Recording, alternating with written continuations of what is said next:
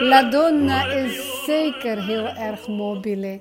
Vooral de afgelopen twee maanden, waarin ik samen met mijn man in onze oude camper getrokken heb door Italië.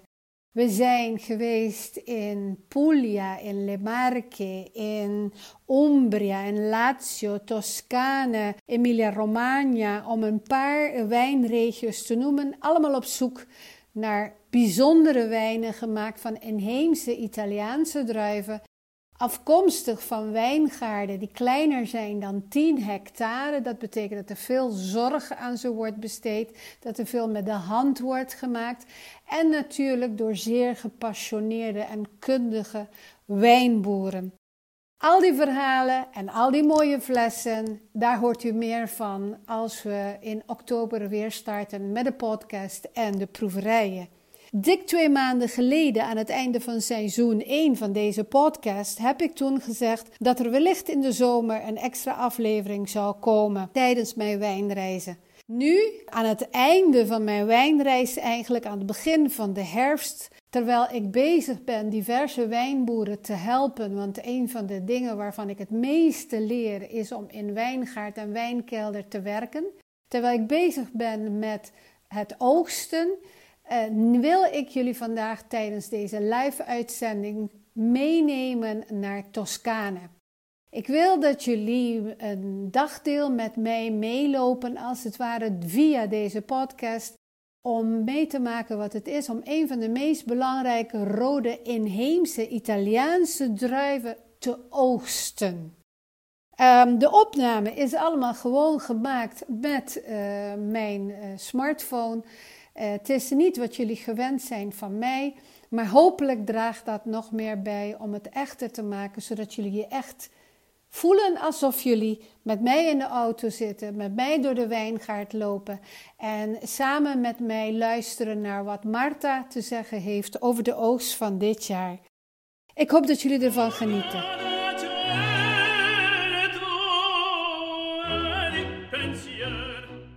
Buongiorno carissimi.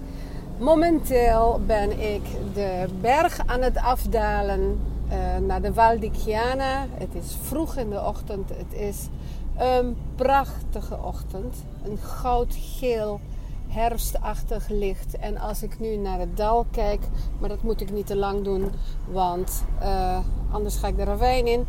Um, is het prachtig mistig. Ik moet even hier stoppen, want wij staan met de camper uh, in, de, in de wijngaard, uh, nee, in de olijfboomgaard van Marino. Daar mogen we staan, bovenaan in de berg. Maar uh, we hebben natuurlijk ook vuilniszakken.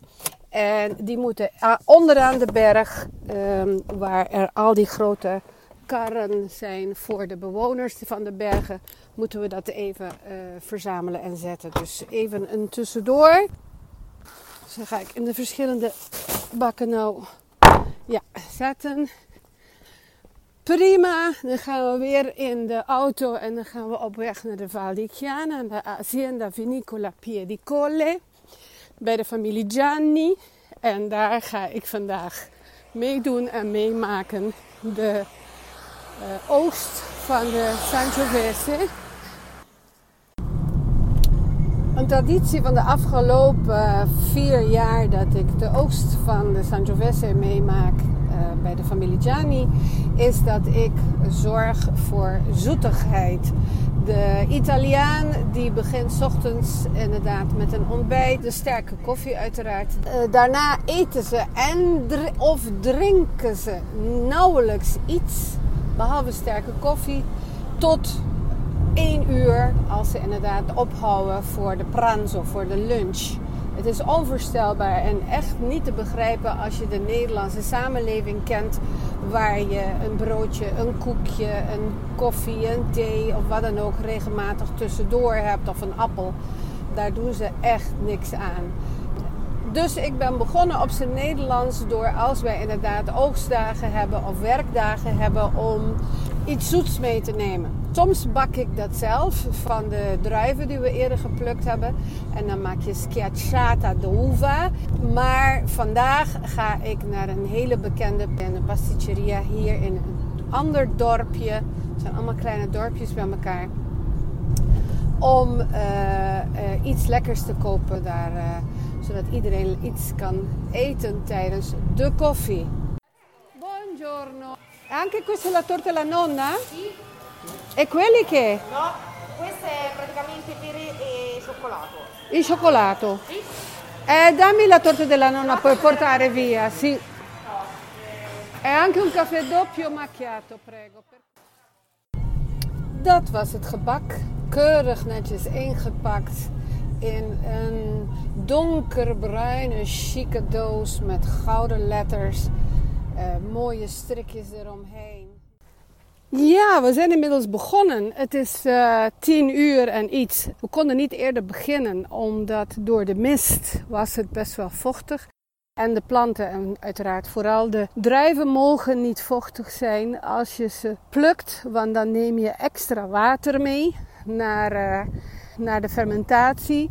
En gezien het feit dat we hier bezig zijn met het plukken van Sangiovese, wat bedoeld is voor een Chianti DOCG, dus dat betekent dat er bepaalde regels zijn verbonden aan de opbrengst, aan de hoeveelheid alcohol en dergelijke.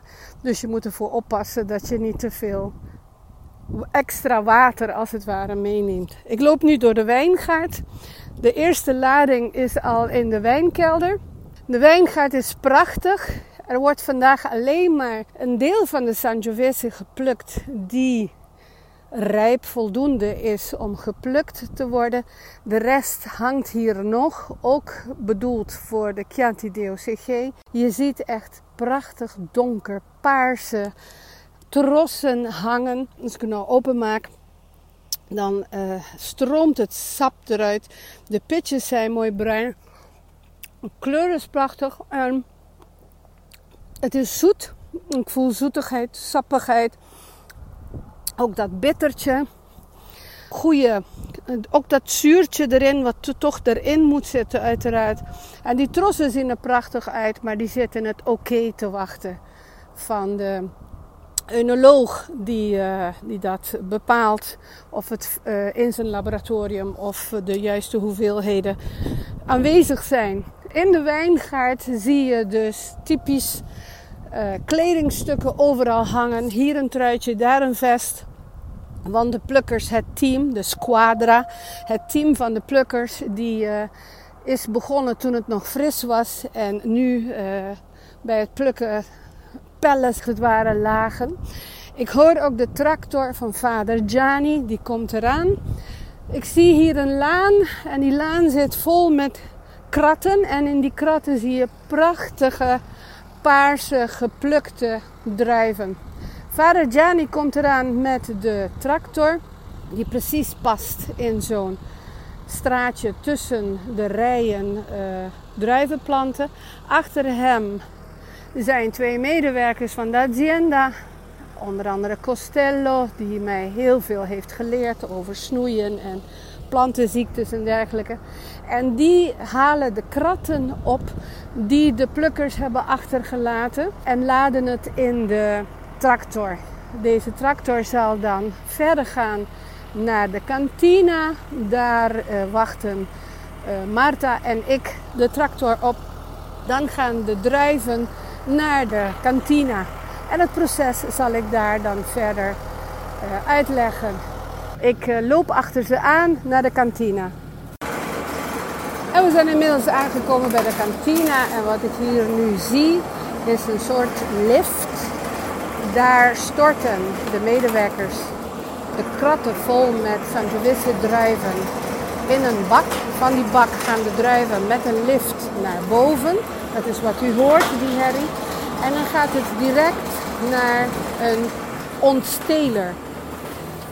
Het wordt gesorteerd ondertussen door Marta, die dus uh, blaadjes, takken, uh, trossen die niet goed zijn eruit haalt. Wordt gesorteerd met de hand.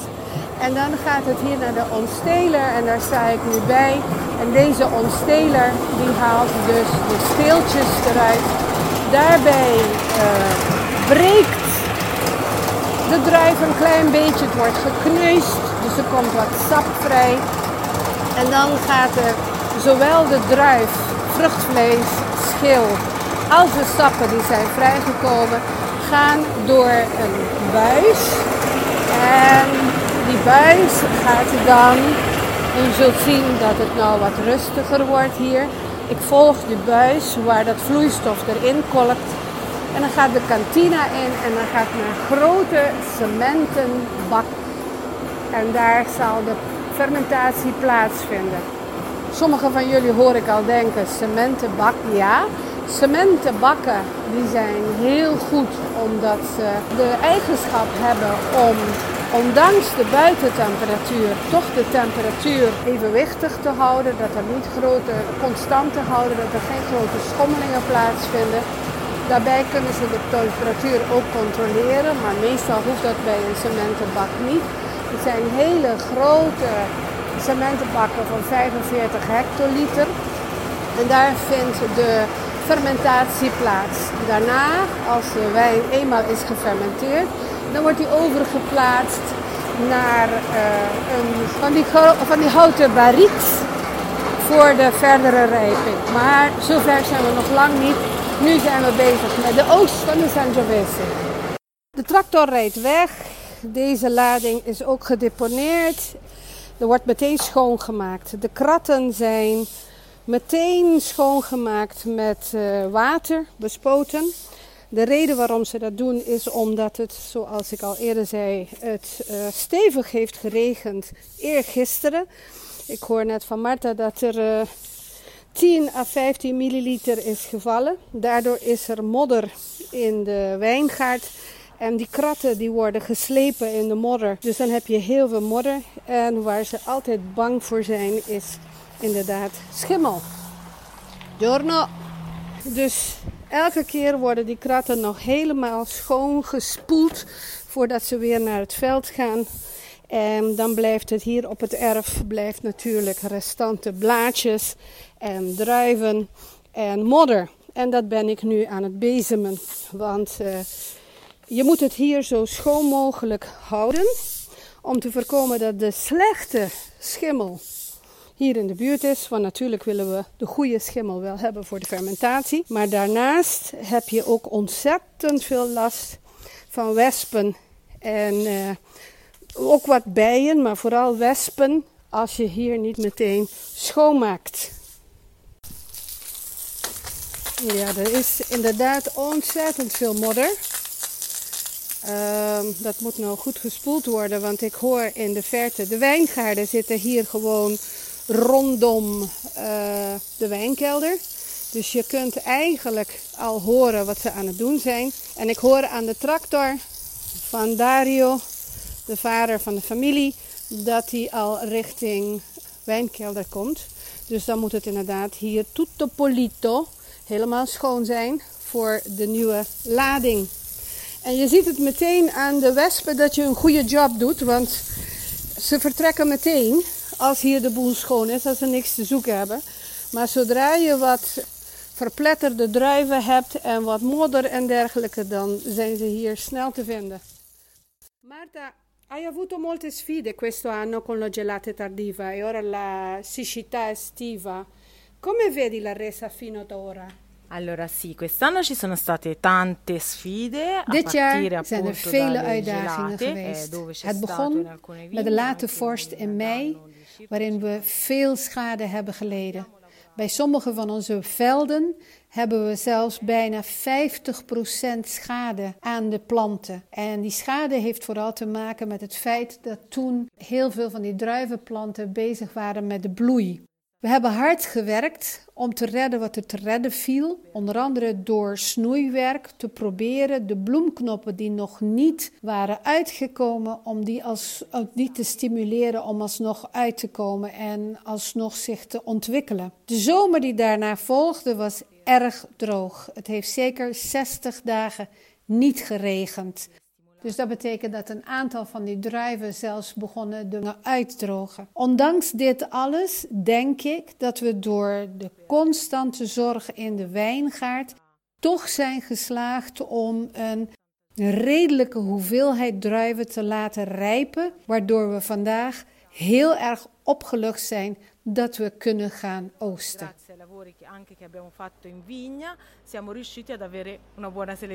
vigna. Di, e eh, tanta, non tantissima, ma una buona quantità di uva. Eh, we zijn allebei een beetje aan het lachen, want we horen op de achtergrond dat de tractor van de vader aankomt. Grazie, cara, grazie. Zo, de tractor is weg. Wij gaan nou even naar boven. We klimmen de trappen op. En dan zitten we op die gigantische cementenbakken van 45 hectoliters. En Marta bukt zich om naar beneden te kijken. E tre quarto, no certo? Metà. Metà. Che vedi? Il... Ah, sì, sì, sì, lo vedo.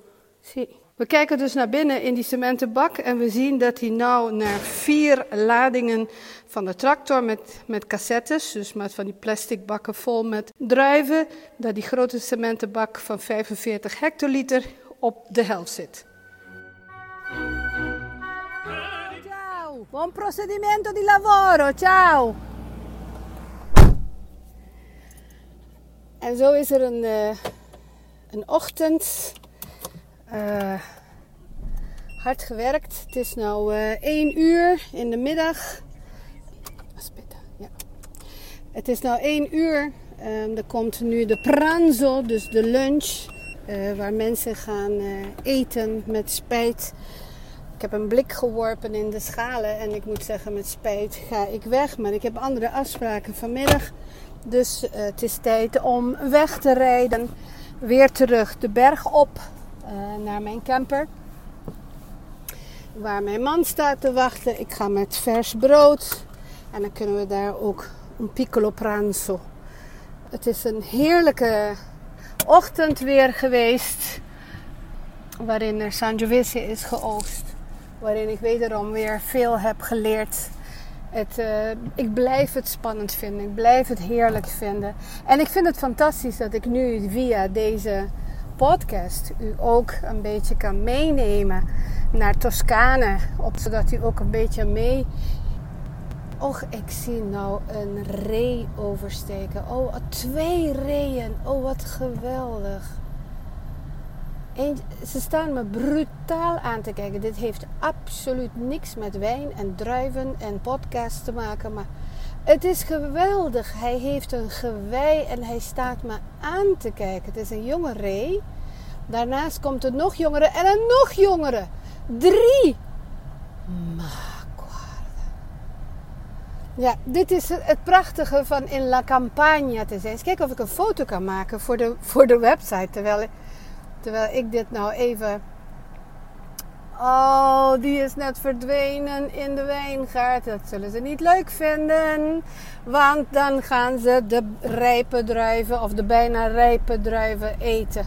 Gewoon overdag om 1 uur s middags. Heerlijk dat u erbij was. Heerlijk dat u meegeluisterd heeft. En laat me alsjeblieft horen wat u daarvan heeft gevonden. Abbraccio, ci vediamo binnenkort. Vanaf 1 oktober kunt u weer regelmatig podcast verwachten. Maar dat zal ik op social media laten weten. Ci vediamo!